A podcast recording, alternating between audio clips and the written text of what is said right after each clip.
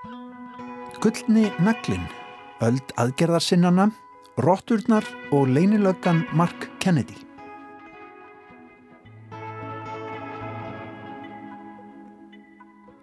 Í vísjá í dag verður sagt frá gullna naglanum sem rekin var niður til að festa síðasta hjálpbröytarteinin í hjálpbröytinni milli strandabandaríkjana fyrir rétt ríflega 150 árum. Spurt verður um það hvort við lifum á öld aðgerðarsinnana.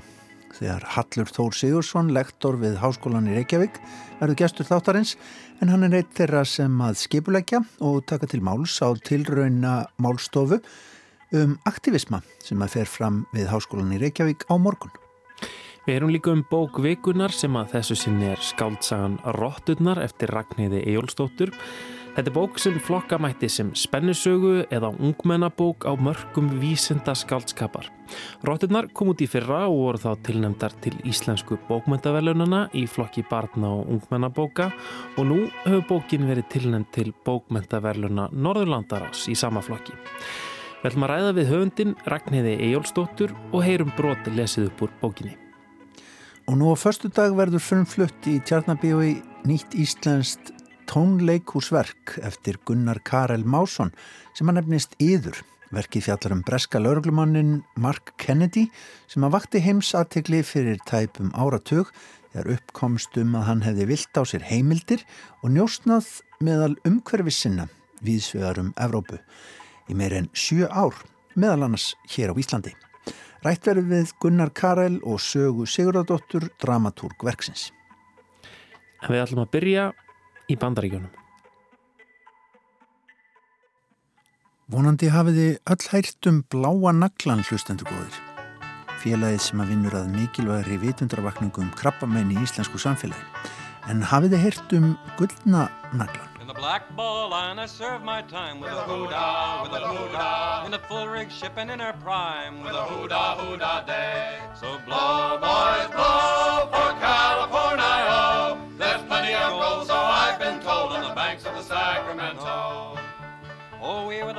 to make her go with a hoo-dah, with a hoo-dah, around Cape Horn in frost and snow with a hoo-dah, hoo-dah day. Blow, boys, blow for California. There's plenty of gold, so I've been told on the banks of the Sacramento. Gullni naglin er eitt frægasti nagli í heimi, búinn til úr 17,6 karata gullblöndu og vegur næri halvt kíló eða 436 grömm. Hann er geimtur í sapni í Stanford háskóla í bandrækjanum, hefur fjórar hliðar sem á er letraður nokkuð mikill teksti. Á tveimum þessara hliða er nokkuð mörg nöfn, manna sem að nú eru fyrir nokkru komnir yfir móðuna miklu.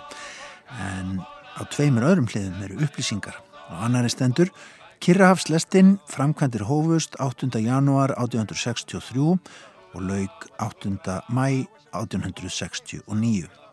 Hinn hliðin geymir hálgerða bæn með Guð halda áfram að samina land okkar þegar þessi hjárbröð saminar hinn tvö miklu útöf veraldar. Oh, and we got to the Frisco docks with a hoo-dah, with a hoo-dah. The girls were all in their Sunday frocks with a hoo-dah, hoo-dah day. Then blow, boys, blow for California. There's plenty of gold, so I've been told, on the banks of the Sacramento.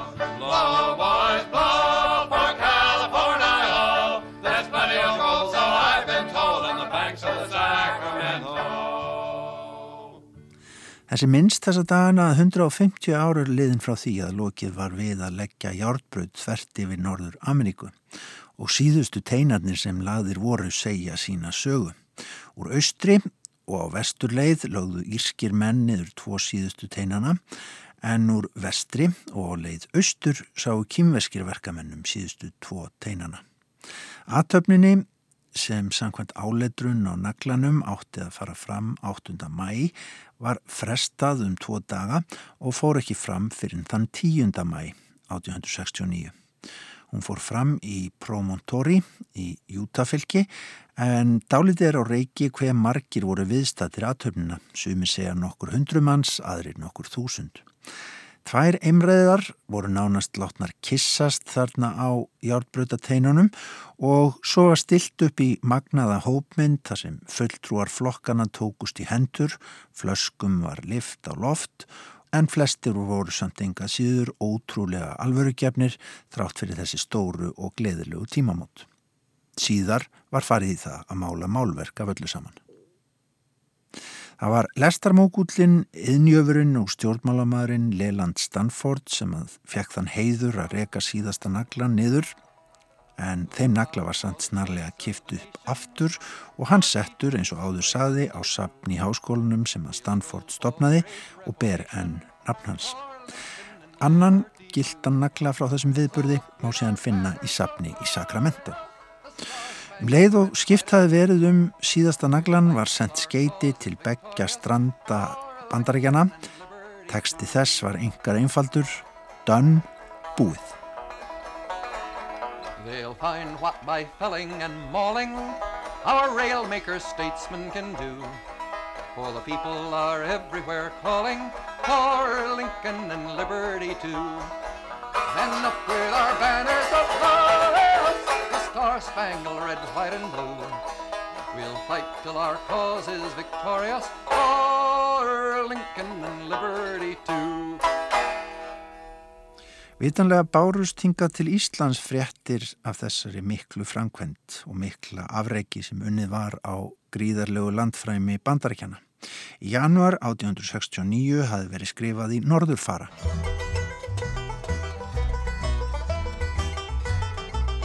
Járbröytin mikla, þver bröytin millum New York og San Francisco sem verið er að leggja er einhver hinn mesta járbröyti heimi. Hún liggur eins yfir háfjöll og baldjökla, urðir, gjár og hamra, flóa og foræði sem lálendi og sléttur og á nýju stöðum er hún grafin gegnum hæðir og hamra. Menn segja að hún verpi eigi minni skugga á breyta heldur en þessir fyrir 200 árum síðan á hollendinga og portugísa. Kunnugir og stjórnveitri menn segja að þessi járbröð hafi eigi aðeins hinn mestu áhrif á framfarir vöxt og viðgang bandfylgjana heldur og á alheims veslununa og þannig styðjað því að hinnar fjarlægustu óbyggðir bandfylgjana byggist og ræktist og að miljónir af mönnum fái þar nýja atvinnu og lífs uppeldi. In 1844 I landed on America's shore landed on America's shore to work upon the railway og í norðurfara stóð áfram. Síðan farið var að byggja þverbrautina hafa þegar þúsundir og aftur þúsundir af mönnum flutt sig úr hinnum austlægu fylgjum til vesturfylgjana á báðar hliðar með fram járbrautinni sem án Eva verður hinn stórkostlegasta og merkasta vestlunarbraut vest heims. Þar eru þegar komnar borgir, kirkjur, skólar, spítalar, leikspilahús, vestlunarbúðir og veitingastadir. Lendurnar sem liggja í grend við hjárbrautina hækka óðum í verði. Plóurinn og múrskeiðin fara jöfnum fetum frá þessum stöðum til hinna. The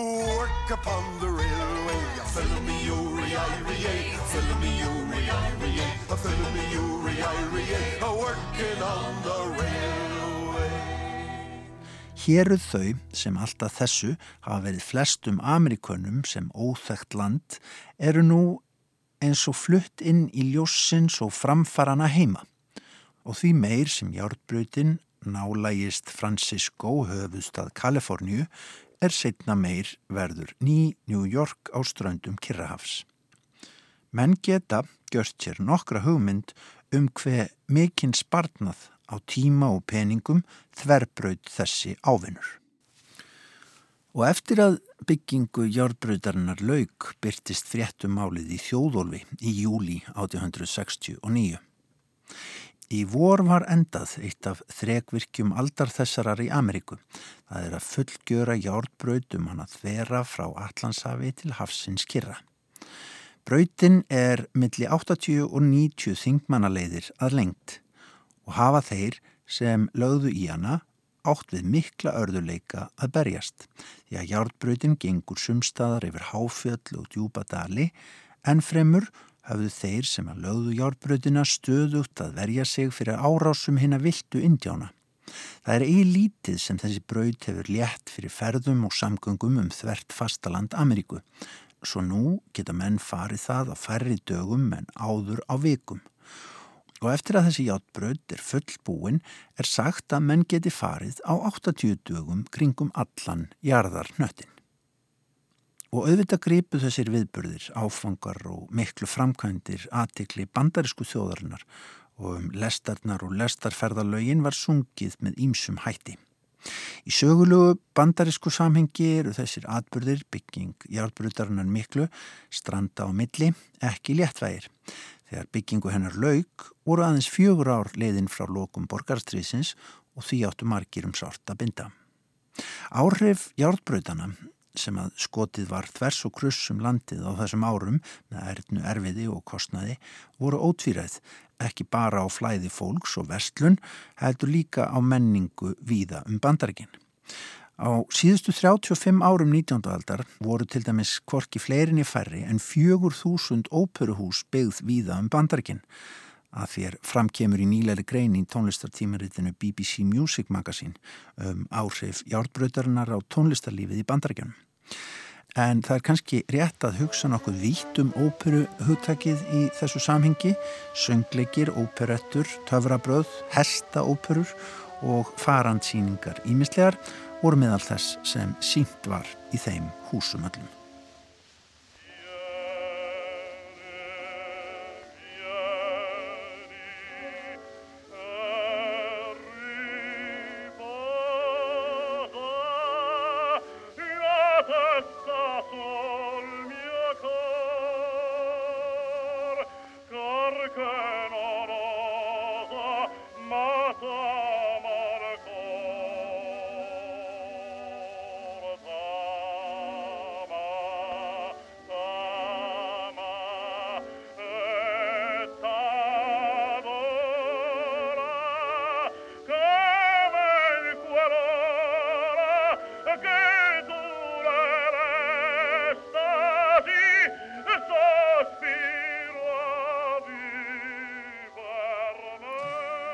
frækt tónlistarfólk þessa tíma nýtti sér auðvitað nýja ferðamátan til að fara til tónleikahalds viða um bandargin. En jáfnframt voru fínustu vagnarnir, jáfnvel búinir hljóðfærum, jáfnvel orgelum og því oft glatt á hjalla þegar söngflokkar voru að ferð um landið.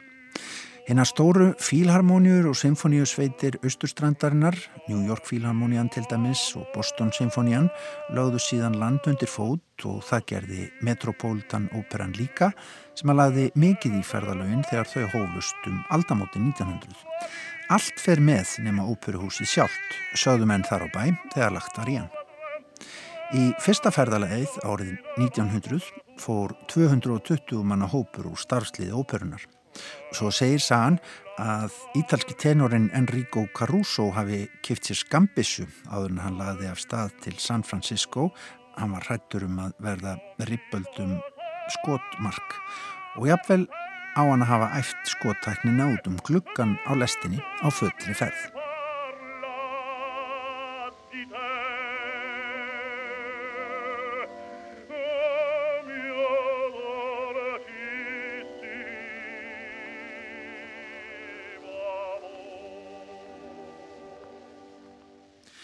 Öðrum söngstjörnum dögði ekkert minna en sér útbúin skreittur vagn með nafni stjörnunar á.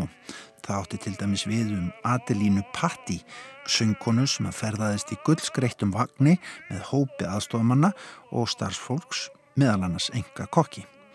Óperudífinnar voru popstjörnur þessa tíma.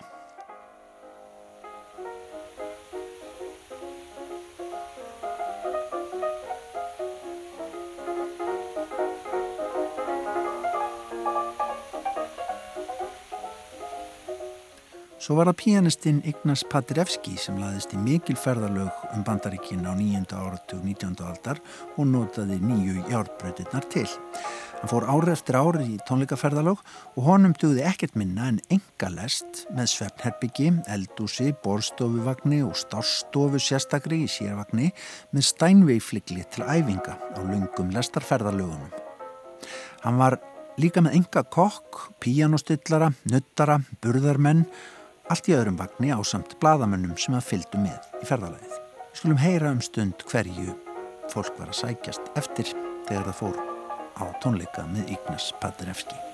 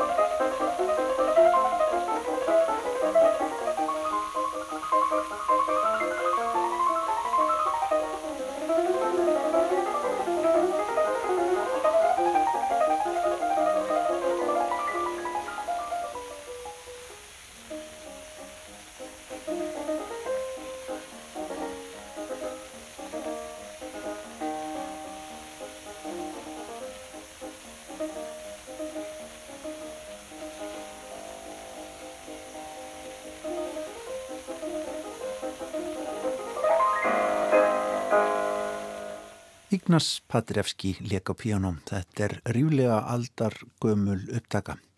En við ætlum að fara yfir í bók veikunar. Já, fyrir í dag ringdi ég til München í Þýskalandi.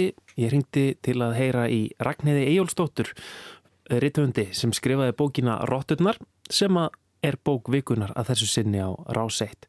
Ég spurði Ragnæði til þess að byrja með, hvaða bók er þetta? Já, þetta er þess að uh, bók sem að ég skrifaði núna, uh, tók alveg svona næst í tvö ári að skrifa og svona hægt að róla og hérna var að skrifa hana meðan ég var ólétt og rétt náði að klára að senda hana til Rittsjóra áður en að ég svo öndanum átti barnið. Þannig að þetta svona, þessi bók er svona svolítið eins og, eins og hitt barnið mitt í rauninni. Mér langaði svona eftir að hafa skrifað skuggasögubækurnar tvær sem voru uh, í rauninni fantasía byggðið á íslenskum þjóðsögum og svolítið og það langaði með að pröfa að skrifa svona um, raunveruleika bók. Um, en mér langaði náttúrulega mest eiginlega að pröfa að skrifa svona flettisbrett, svona page turner svona spennandi bók sem að hérna sem að mér langaði rosalega mikið að lesandin gæti ekki endilega lagt frá sér og hérna ég skrifaði þess svona hálfgerða ungmennabók þó að hérna langt flesti sem að ég hef talað við um bókin eftir á er fullari fólk og segja bara við mig að, að þegar ekki geta lagt hann frá sér að vera lesið til þrjóna einn orðslis en hún segist það er alltaf svolítið flókið með þetta ungmennakoncept sko að ef að bókin fjallar um eða ef aðalpersonar er ungmenni þá er þetta flokka sem ungmennabók. En já, hún fjallar semst um fjögur ungmenni sem eru sendt út á land um, og hafa nú kannski ekki endilega verið að sækist eftir því í hérna sumarveinu og svo kemur ljós að hérna að það er ekki, það er ekki hérna, hvað skal ég segja, það er engin tilvílin að, að þau hafa verið valin í þetta. Og þau semst enda sem hálfgerðar tilraunaróttur í, í svona leinilegu um, leinilegu tilraunastöð út á landi og þannig er ég að fjalla rosa mikið um, um söguna um, um smittsjúkdóm og svolítið.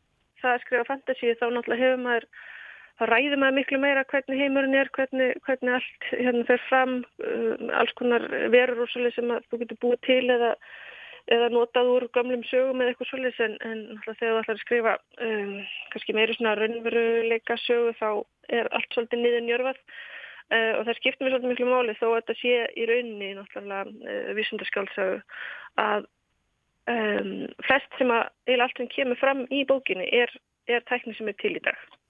Þannig að, að, hérna, að hún er í raunin ekki það, hún er, er ekki endilega framtíðasaga.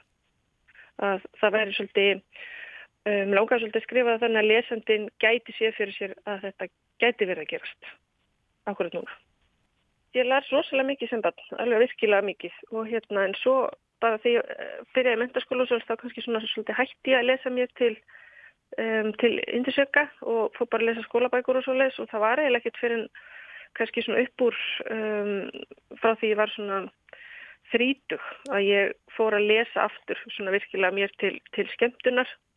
Og þá einhvern veginn dætt ég svolítið mitt inn í þetta og fantasíur og en náttúrulega les í rauninni allan fjandan en þarna langaði mér rosalega að skrifa spennusögu sem væri byggð á hérna, ég fekk svona virkilega áhuga á smítsjókdum og svo, svo las mér rosalega mikið til um það og ákvaða hérna að ég reyni búið til spennusögu úr því sem ég var búin að vera að lesa. Það var rosalega mikil heimild að vinna á bakvið bókina.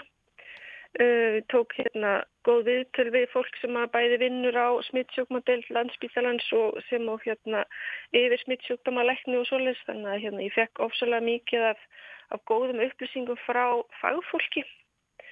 Og ásamt því að það var alveg rosalega mikil heimild að vinna sem fór, hérna, vinna sem fór í að skoða heimildir á, á svona sögulegum atbyrðum á Íslandi varðandi svartadöða sem að hérna er svo náttúrulega vikið að í þessu öllu saman. Já, þannig að þú, þú tókst það mjög alvarlega að þetta væri vísindaskáltæga, að, að þetta ætti alltaf að vera raunverulegt einhvern veginn.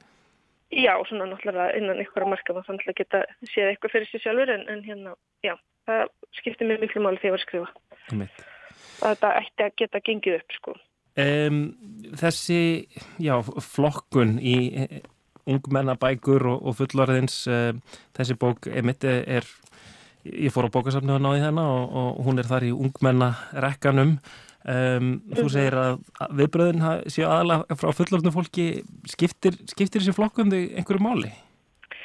Uh, hún skiptir mjög ekki máli en það er náttúrulega fylgir kannski svona ákveðnir um, fordumar því að lesa ungmennabækur þó maður sé komin á ákveðin aldur um, en það breytir því samt ekki að, að til dæmis lang, stærsti hluti þeirra sem lesa uh, vísindaskálsugur og, og hérna já og fantasjur allavega nú út í heimi eru, eru bara fólk á miðum aldrei en það einhvern veginn er svona svolítið kannski litið niður á þessa grein bókmæntana. Hildisif starði á skjannakvítardirnar sem lokuðist hljóðlega á eftir bláklætri verunni sem hafi rétt áður næri blindað hana með því að lýsa sterkuljósi beint í augun á henni. Hvar er ég? Í gegnum dúndrandi höfuverkin og alltumlíkjandi vanlíðununa laust þærri hugmyndin er í huga hennar að hún var í dáin að því hún gati ekki með nokkru mótur heft sig. Af hverju líður mér svona illa? Er ég lend í helviti? Fyrsti kapli, einhverjum dögum áður. Hvít fissandi öldutna risu og stiftust yfir svarta vókskorna strandlínuna þar sem hún reys upp úr æðandi Allandhafinu. Hildisif lagði ennið upp á glukkanum og starði niður á eldfjallegina. Það var alveg sama hversu oft hún flög með fram strandlengjunni, útsinnið var aldrei eins. Þau sískinin voru að flytja aftur til Íslands eftir nokkur ára búsetu í Svíþjóð og Finnlandi. Memmu þeirra hafði nefnilega borist atvinnutilbúð frá mikilsvirtu fyrirtæki á Íslandi sem henni reyndist ómögulegt að hafna. Hildi Sif leið til bræðra sinna þar sem þeir sátu með heyrnatólinn og störðu einbeittir á skjáan sinn, báðir í eigin heimi. Litri hverköndu veröldin sem Sigurður eitti ótilandi stundum í að raða saman blasti við á skjánum hans En tölvuskjár Alla var fullur af fyrðulegum táknum sem komu og fóru eftir því hvað glugga hann kallaði fram. Hildi sig var laungu hægt að spyrja Alla hvað hann var að bralla. Það hefði sínt sig að best var að vita sem minnst. Ertu búin að sjá hvað landslæði flott? spurði hann og potaði Sigurð. Littli bróður hann að kiftist til og leitt pyrraðar til hennar áður en hann dró annað heyrnatóla að verinu. Hvað? spurði hann ergilegur. Ertu búin að sjá, það klikka flott útsinni yfir östfjörðan út um klukkan, sagði hún og benti. Sigurður ránkvöldi í sér augunum. Hildi Sif, mér er alveg sama, ég hef oft sér landslag á þurr.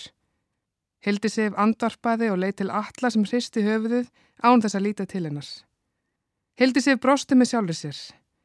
Þó svo að hirtnatól alla útilókuðu nánast öll umhverfu sljóð vissi hann samt hvers hún ætlaði að spyrja. Svona hefði samband þeirra tvekja alltaf verið. Það var nánast þess að þau varu tvíburar þó svo að hann var tveimur árum eldri en hún. Hildi Sif starði á síbreytilegt landslæð fyrir neðan sig í dágóða stund áður en hún tók tímaritabunkan upp úr sætisvasanum fyrir framann sig. Tvö nöystikk tímaritt með fréttaskýringum, þrjú um nýjustu tækn og vísindi, nokkur um nýlega rannsóknir í helbreyðsgeiranum og eitt mikil smetið fjármálatímaritt. Mamma hennar var áskrifandi af þessum tímarittum. Hildi Sif hafði aðeins glukkað í eitt blaðið en það hafði ekki fangað aðteglennar. Hún kveið því að flytja heim í óvissuna. Nýr skóli, ný sömarvinna, nýtt leikús, vonandi nýr vinnir. Um leið og sætirspeltaljósi kviknaði, greip hún ósalrátt um hönd Sigurðar og brosti til hans. Þú þarft ekki vera hrættur, þetta er allt í lægi, sagði hún og reyndi að hljóma hugristandi. Sigurður leitt reyðilega til hennar. Hættu þessu, ég þarf að nota báðar hendur í leiknum. Erstu viss? Já, sleftu mér, sagðan óþálumóður og reyndi að toga höndin aftur til sín. Heikandi slefti Hildisif takinu. Hildisif, viltu halda í mínu hönd, spurði Alli um leið hann greip þjettingsfast í hennar, þó án þess að líta upp frá tölfunni. Hildisif rétti fegin úr bakinu til að sínast hugrakkar en hann var og kingaði kolli. Já, ekkert mál. Þannig heyrðum við brot úr bókinni Rotturnar eftir Ragnheiði Ejólfsdóttur. Bókvíkunar er á dagskrá á sunnudags morgun, þá verða Guðrún Erlingsdóttir og Ásta Gísladóttir, gestir auðar aðalstinsdóttir. Lifum við á öld aktivismans? Þetta er spurning sem að verður sett fram á morgun á málstofu, tilrauna málstofu við Háskólan í Reykjavík þar sem að á að spyrja þessu þarna koma saman fræðimenn og aktivistar til þess að velta þessu fyrir okkur hingaður kominn fundarstjóri fundarins Hallur Þór Sigurðarsson sem er lektor við Háskólan í Reykjavík, velkomin Já, takk fyrir. Sko, er, er það þín til, tilfinning að, að við lifum á öld aktivismans og aðgerðar sinnans. Já, er, þetta er náttúrulega afskaplega opinn og, og markþægt spurning og, og sannlega marga leðir að svara henni. En, en ég hérna, og nú ætlum ég bara að tala svona fyrir, fyrir mína hönd að, að hérna að uh, mér, finnst, mér finnst aktivismi að við tökum nú bara þetta svona Ísland sem dæmi hér mm -hmm. að, að uh, hafi aukist mjög mikið mm -hmm. og, uh, og síðan getur við tekið þetta ég held að maður getur líka fært ágættisrauk fyrir því að, að, að það sama hafi gæst á, á svona heimsvísu og, og svo getur maður auðvitað velt fyrir sér er það, er það tæknin sem hefur gert þetta mögulegt eða er einhverjar samfélagsbreytingar einhver, einhver hérna, órói einhver, einhver áskoranir sem, a, sem a eru kannski frjóri jarðvegur fyrir, fyrir aktivisma nú en, en áður hefur verið og en eins og segi sko við vörpum eins og svolítið framsar spurningu til, a, til að, að velta upp og já, langar að takast á við hana svona með, þó með svona einhverjum ákveðnum fókus, getur við sagt. Mm -hmm. Þannig nú maður með leikil framlag til fundarins, Hörður Torfarsson sem var auðvitað hér í spísi, skulum við segja, í kringum hrunnið og maður, þetta er aldrei tengt hér á Íslandi annars vegar sko káranhjúkum og síðan hruninu og eftirmála þess, ekki satt? Jú, ég held að, ég held að það sé alveg rétt að, að hérna, það er allavega auðvelt að, að hérna, rekja söguna uh, eins, og, eins og þú ert að gera núna mm. og, og við sjáum náttúrulega það sem að gerist uh, sérstaklega í, í kjálfar hrunsins að uh, hvaða er nú veru svona, hvað sprettur upp úr þeim potti mm -hmm. stjórnmálaflokkar fleiri en einn og, og um, e, það er, við erum líka með þarna mælendaskrá um, e, Katrín Ótsdóttur e, sem, sem er þá að tala um, um hérna nýja, stjórna, nýja stjórnarskrá mm -hmm. það er náttúrulega aktív í því sambandi aktív í því, mjög aktív í því sambandi mm -hmm. það, það náttúrulega sprettur líka upp úr, upp úr hrununu mm -hmm. Og uh, þannig, þannig að það er svona margir ángar held ég og, og svona bara meðvitund og, þetta, hérna, og það er oft verið talað um það líka bara fólk, fólk hérna komst að því heyrðu svona getur maður skipulagt mótmæli, mm -hmm. svona hérna, getur við tekist á við uh, áskoranir sem, sem þessu fylgja mm -hmm. þessa miðla getur við nota á svona þannig að fólk lærði held ég mjög mikið mm -hmm. í, í þessu ferli Svo er þetta eitthvað svona jafnvægi, yng og jang verðist á meðan er, er sko vantrúin á hefbundnum stjórnmálum að mm. aukast, ekki Já. satt og þá fyrir fólk að horfi aðra ráttir, þú nefnir miðlana, þeir skipta auðvitað miklu máli. Já, það, hérna, ég held að það, og menn hafa ekki rækið sko, mörg dæmið til þess, frægasta, frægasta en, en, tvíraðasta dæmið er, er líklega hérna, það sem að um tíma var kallað arabíska vorið. Og, og, og hvernig raun og veru margi voru mjög bjartsinir og, og hérna, bundum miklar vonir við, við Facebook meðar annars mm -hmm. og aðra miðla til þess að er raun og vera að hópa fólk saman og um ákveðin málstað og svo framvegs en, en hérna og það er vissulega uh, þannig að við sjáum það bara að, að hérna til dæmis eins og Facebook og Twitter er mikið nota til þess að er raun og vera koma fólki saman en, uh, en síðan eru uh, er það svo önnur umræða að, það, að þessu hafa fyllt náttúrulega mjög margir annmarkar -hmm. og, og hérna sem að varðar, varða meðal annars enga, enga upplýsingar eða prívat upplýsingar og svo framvegis. Mm -hmm. þannig, að, hérna, þannig að þetta er allt svona mjög, mjög tvíbent getur, getur við sagt mm. og ég held til dæmis að vonin sem að bundi var við, við samfélagsmiðla svona kannski kringum 2012 eða eitthvað slíkt sé ekki alveg svo sama nú og, og, og þetta er orðið mjög málum blandið og, og jáfnvel já, síðasta sem ég las til að mynda var, var einn af, ein af, hérna, ein af þeim sem kom að stopnun Facebook vildi helst bara leysa upp Facebook. Já, það er nýjustu fréttir. Það er nýjustu, meðal, meðal nýjustu frétta nýjustu frétta, já, já. akkurat. En sko, maður upplifir aðeins að þetta sé líkað einhver leiti tísku orð, já. það að vera aktivisti. Já. maður sér það bara til dæmis á fjölmiðlum uh, til dæmis bara stjórnundan í Hollywood verðast allar meir og minna vera farnan að hengja þetta við, við hérna nafni sitt, það er ekki nú að vera leikari maður er líka aktivisti. Já, það er, hérna, er, er áhugaveru punktur. Það er nóg að hafa skoðun bara á einhverju eiginlega. Hvað, hvað þarf til? Já, hvað þarf til að vera aktivisti? Það, það er náttúrulega það sem að gerir þetta hérna, uh, svolítið, svolítið erfitt hugtak og, og, og hérna vegna þess að, við, bara við því að líta svona dæmin að, að þá erum við með svo sko, og, og, og, og alveg á hinum endanum sko, hvers, hversu marg, mikið þarf að gera, þarf að grípa til einhver aðgerða og svo á hinum endanum hvenar verður aktivismi að einhvers konar eh, einhvers konar, já sabotasisma eða terrorisma já, já, og, og, og hvar eru, hvar eru þessi, þessi mörg sko. en ég held að það sem að e, svona, og það sem við vildum jáfnvel svona kannski fókusera svolítið á hér í, í þessari ástöfnu að jú, aktivismi felur í sér uh, og íslenska orðið fín þýðing aðgerða sinni, felur í sér eitthvað svona aðgerðir en það felur líka í sér eitthvað svona gaggríni og ég held að gaggríni sé, sé eitthvað svona, svona líkill að ég uh, skilja aktivisma, það sé að gaggríni á, á núverandi fyrirkomulag.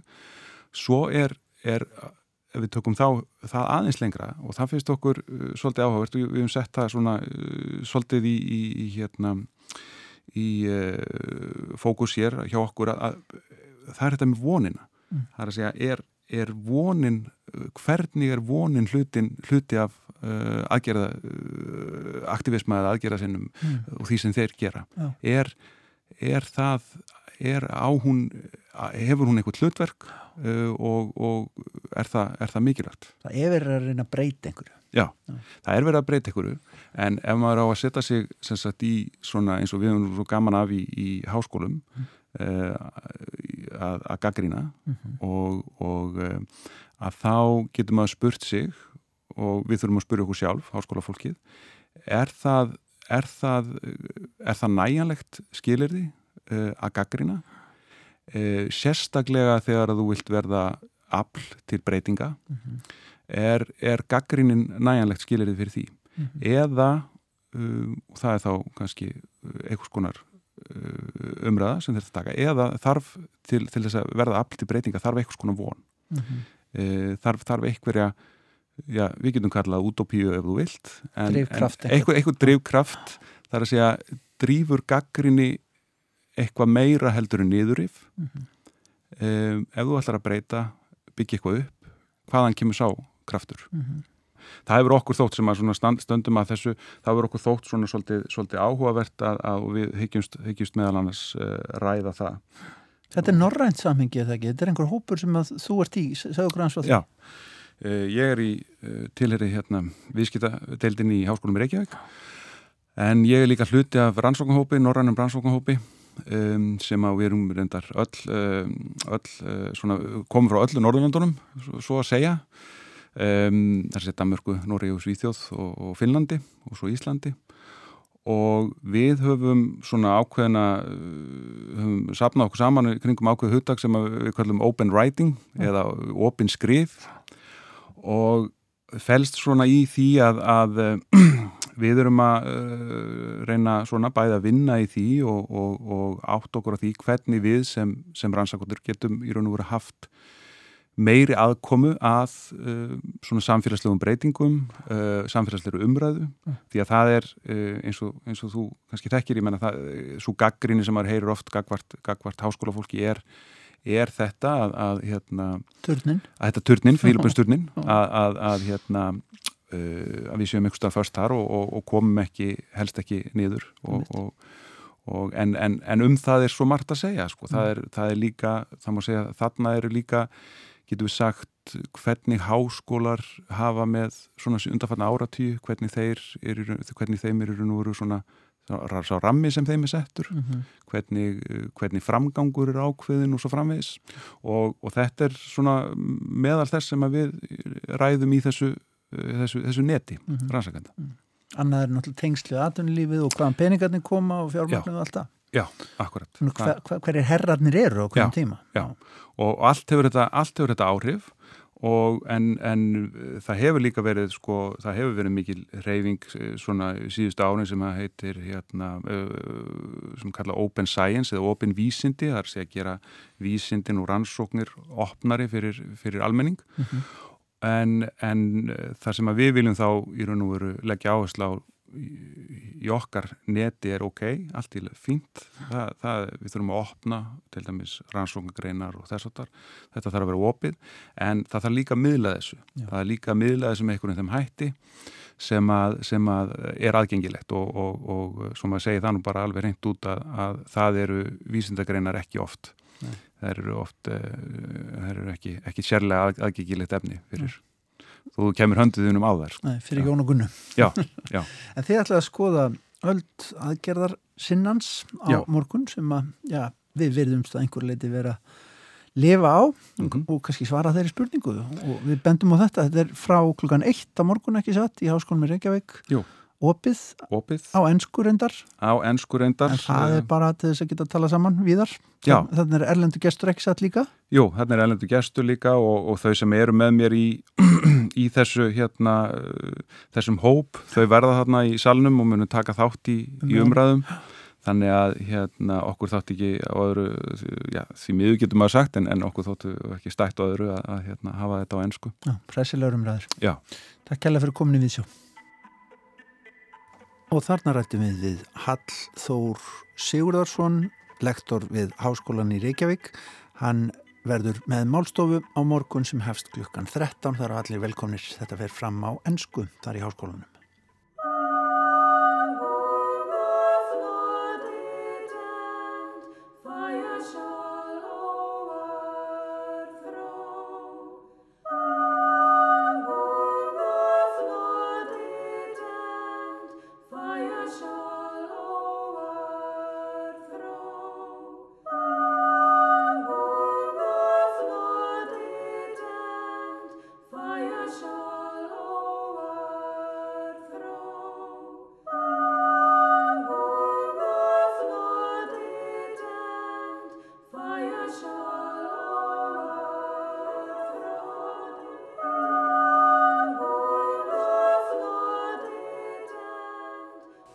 Nú á fyrstu dag verður frumflutti í Tjarnabjói nýtt Íslands tónleikúsverk eftir Gunnar Karel Másson sem nefnist Íður. Verkið fjallar um breska lauruglumannin Mark Kennedy sem vakti heims aðtigli þegar uppkomst að hann hefði vilt á sér heimildir í heil sjö ár og njóstnað meðal umhverfis vendar sinna viðsvegarum Európu. Hann daldist meðal hans á Íslandi árið 2005 og starfaði meðal aðgerða sinna í Saving Iceland sem mótmæltu Kára Hnjúkavirkjun. Hann er koningað það er að segja Gunnar Karel, ekki Mark Kennedy á samt sögu Sigurðardóttur sem að er dramatúrg verksins. Gunnar, akkur að fjallum hennan mann, Mark Kennedy, hvernar kviknaði þessi hugmynd? Þessi hugmynd kviknaði sko 2010 þegar þetta allt kom upp og var í fjölmiðlum og þá uh, fannst mér þetta eitthvað svo brjálega spennandi þessi manneski sem hefði lifað tveimur lífum í svo langan tíma og ég hugsaði með mér að þetta er ég að gera að einhverju, einhver tíman og það er mitt, mitt búið að taka mig nýju ár að koma þess að endalega á svið. Uh, ég fann nefnilega til dæmis spjallþræði meðal hans, ég las mig mjög mikið til um þetta allt saman, þannig að í kringum fyrstu, fyrstu svona fréttir að þessu máli og fann spjallræði sem að aktivistandi voru að tala sína á millum hver væri meðal þeirra og svo framvegis og fann líka handbók um það hvaða, hvaða, hvað maður á að gera ef maður veit, ef, ef kemst að sé einhver sem njósnari meðal aktivista og notaði svolítið þessum textum líka inn, inn í handritið, flettaði svolítið inn í sem að, sem ég skeiði á fyrstu drögu því sko, ég fekk hann að residensi í Tjarnabíu hann að 2015, þannig að mjög viðeganda við sem að frumsýna þar. Og var þar sérst, í, í svona listamannadvöl sérst, fekk að, að, aðsettur þar einn ein eða tvo mánuði og skrifa það mest partin af verkinu þá og held áfram að rannsaka og horfa á viðtölu þá líka og koma meiri upplýsingar og svona. Þetta er nefnilega, hann er um, maður, það er hægt að finna svolítið af honum á netinu af viðtölunum fleiri og hann er nefnilega það er eins og hann sé búin að aftengja sig gjössanlega raunveruleikunum sem er líka svo brjálæslega spennandi að, að, að finna manneski sem er raunverulega gjössanlega horfin. Það sem hann þurft að vera hann þurfti að vera einhver annar í svo langan tíma en samt gæti ekki slitið algjörlega sig frá því hver hann var áður. Mm -hmm. og, og svo fer hann út úr þessu öllu og, og, einhvern veginn þegar kemst upp um hann og ég held að hann hafi ekki fundið sig sjálfan síðan þá ef maður á að fabuleira eitthvað Veist, ekki það að maður þekkja hann persónulega en, en það er svona af því að þeim nýle, nýleira viðtölum sem við séðum þá er hann orðin mjög svona já, aftengdur, það er þetta orðað þannig Einmitt. Og hvernig, hvernig tekst maður á við þetta í tónleikúsverki? Það er mjög góð spurning. Þú notar hérna texta frá 17. aldar presti og skáldi John Donne. Já, hann, uh, hann átti líka í svona uh, vandraði með sjálfan sig og sitt samband við Guð en líka mm. við sig og, og svona, sin, sin, sitt svona identity ef maður má sletta á ennskuðu. Það lýsi sér einna helst í því að hann var hluti af, hann var katholsku prestu fyrst en var svo biskup í biskupakirkjunni ennsku. Þannig að, að hann þurfti að skipta svolítið um svona fókuspunkt hjá sér en hann var líka sko uh, sérstaklega þessum sonnettum sem við, við erum að vinna með, við erum að afbyggja sonnettunar í, í verkinu til að flytja þar á sviðinu. Það sem að, einmitt sonnettur frá þessum tíma eru kannski ekki það, það er ekki mest svona söngvænlegasta sem við getum fundið í því samviki sem við erum að vinna með það í. En þá við að draga fram allt það sem getur haft með okkar sögu að gera. Og það er að segja að það er þessi evi um sjálfan sig evi um það sem hefur gert það sem er orðin og það, er, það kemur allt fram í sonettinu, þurftum ekki að bæta neinu við þar, við raunum bara að plokka út.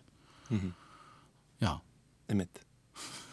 Einmitt, já. Og þið setið þetta fram sem, sagt, sem tónleikús um, hvað, hvað er það fyrir, fyrir fólk sem það þekkir ekki til? það er, já.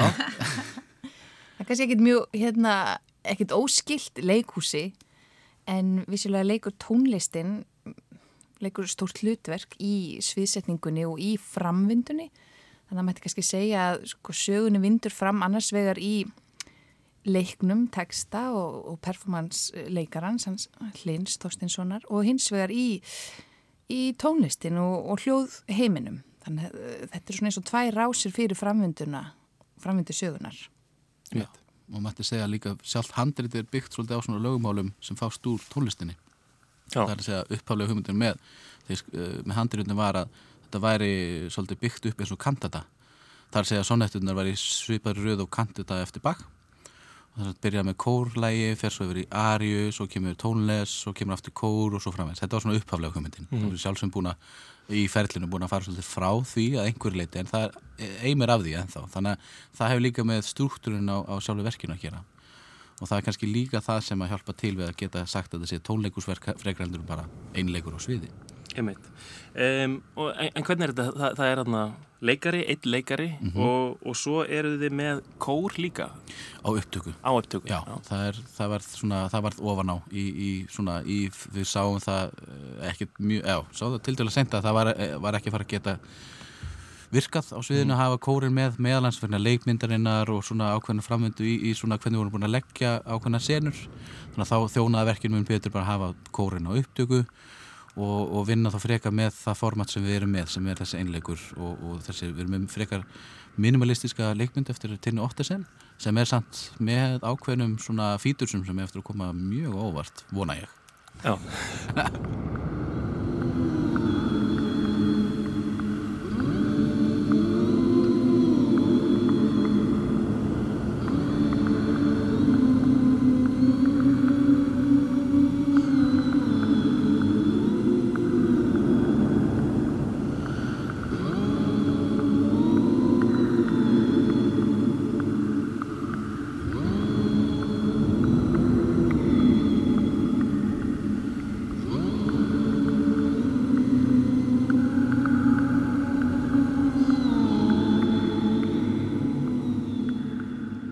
ef við snúum okkur aftur að, að þessu máli sem er sko innblásturinn. Um, þetta er náttúrulega kannski ennþá manni finnst þetta að vera ennþá einhvern veginn vera eitthvað sem eigi erindi að hlut til þessi náttúrulega umhverfisvendar mál eru orðin ennþá meira í umræðinni bara uh, bæðið er fólk farið að vera miklu meðvitara og umræðin um þriði orkupakkan og, og annars líkt, en þetta er líka mál sem man kannski fjekk aldrei raunverulegan endi hér á, hér á landi til, til dæmis. Enga veginn, enga veginn. Það er raunverulega, hann, það er við raunverulega vitum sko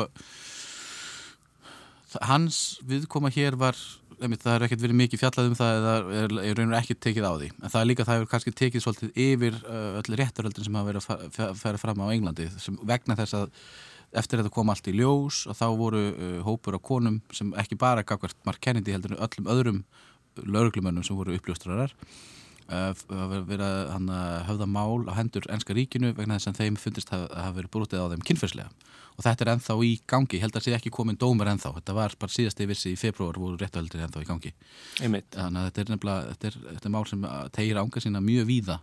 Og þeir hafa verið að, með, að vinna með þessa uppljósturara tækni eða þess að vera með fólk meðal uh, aðgerða sína síðan held ég að maður er 69 eða eitthvað, þetta er fleipur á tögum tugum manna sem hafa verið uppljóstrarar. Og Íslands stjórnvöld hafa aldrei einhvern veginn almennilega gefið upp hvort þau hafi vitað af honum eða hvort þau hafi notað upplýsingar frá honum eða, eða annars líkt, er það ekki?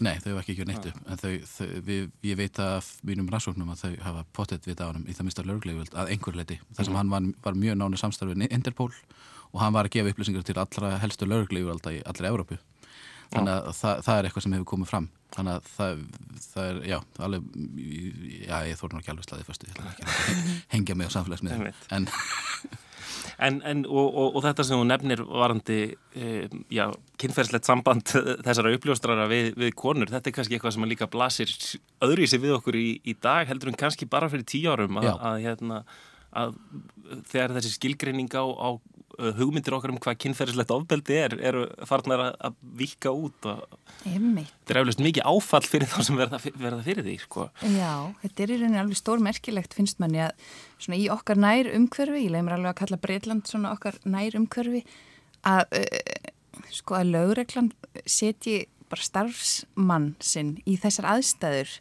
að uh, þurfa að leika svona tveimur skjöldum og í rauninni að hérna stopna engalífi hans af því að hann var fjölskyldumæður og átti bara sína konu og börn annar staðar sem að vissu ekkert af hans störfum hérna, sem uppljóstari í þessum hópum.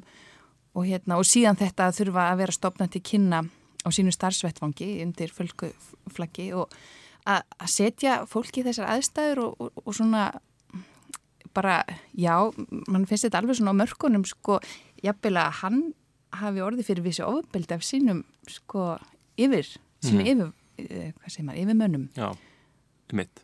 Og þetta hérna, að koma fram í umbóði uh, eh, lauruglunar, sem starfsmáður lauruglunar og uh, svona alveg á mjög svona síðferðislegum svona mörgum, mjög gráu svæði. En þá, og maður spyr sér sko að vera góður þegn, sko, góður ríkisþegn, mm -hmm. uh, er það, fælst það í hlýðni við, við yfirmenn eða? Það fælst það í mitt í uppreist. Já það, það er nefnilega, þetta eru tveir pólar. Mm -hmm. ég myndi til að ef við lítum, ef við horfum að þetta út frá umhverjusverndar sjónameðinu, þá myndi ég segja að þeir sem voru, einmitt á þessum árum 2003-2010 að mótmala öllum að, að, að, virkinum og fleiri hlutum þau myndi tilast góðir þjóðfélagstegnar í dag þrátt verið þau kannski verið jáðarsett þá. Þannig að þetta er líka spurningum hvaðan, hvert sjónahortnið er og, og það breytist alltaf frá tíma, hverjum tíma til að annars. Þannig að ég, eh, þetta er mjög svona áhugaveru punktur hvenar, hvenar eigum við að hvenar eigum við að hlýða yfirvaldinu og hvenar eigum við að, að, að gera uppreysn og segja nú er nú komið. Og það er held ég svona sko ef við hugsaum um hann persónulega við, við munum mikið með hans persónu eða reynda að skapa hans persónu. Við höfum sjálfsög ekki við höfum ekki sett okkur í sambandi við hann þar sem við vildum hafa okkar eigin útgafu hans karakter til að mhm. geta unnið svona betur með það. Uh, til dæmis Linur sem er að leika Mark, hann kynntir sér ekki Mark fyrir en bara sent í ferlinu til að vera með nokkur ferska sín á það hvers konar maður þetta geti verið bara út frá handrétinu en ef við skoðum hann samt sem maður sem personu þá er það líka ákveð val hjá honum að fara svona langt í þessum aðgerðum. Hann hefði ekki þurft nöðsynlega að stopna til þessara sambanda ekki, ekki eins, allavega ekki eins djúbra samband á hann gerði, en hins vegar það er líka rétt að, að vera settur í aðstæðunar þar sem að þér finnst það kannski vera besta leginn til að komast sem lengst inn og hann komst alveg innst inn sem var, Mhm. var ekkert, í raun og verið ekkert mál fyrir hann þannig að Einmitt. Þetta er virkilega áhört, en þið eru sem sagt, já, þið, þið eru að sökka ykkur ofan í einhvern veginn hugarheim þessa manns, eða ekki? Já, Jú. Einmitt.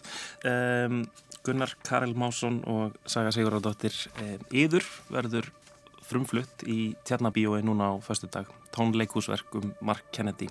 Takk hjá fyrir koni í vísjum.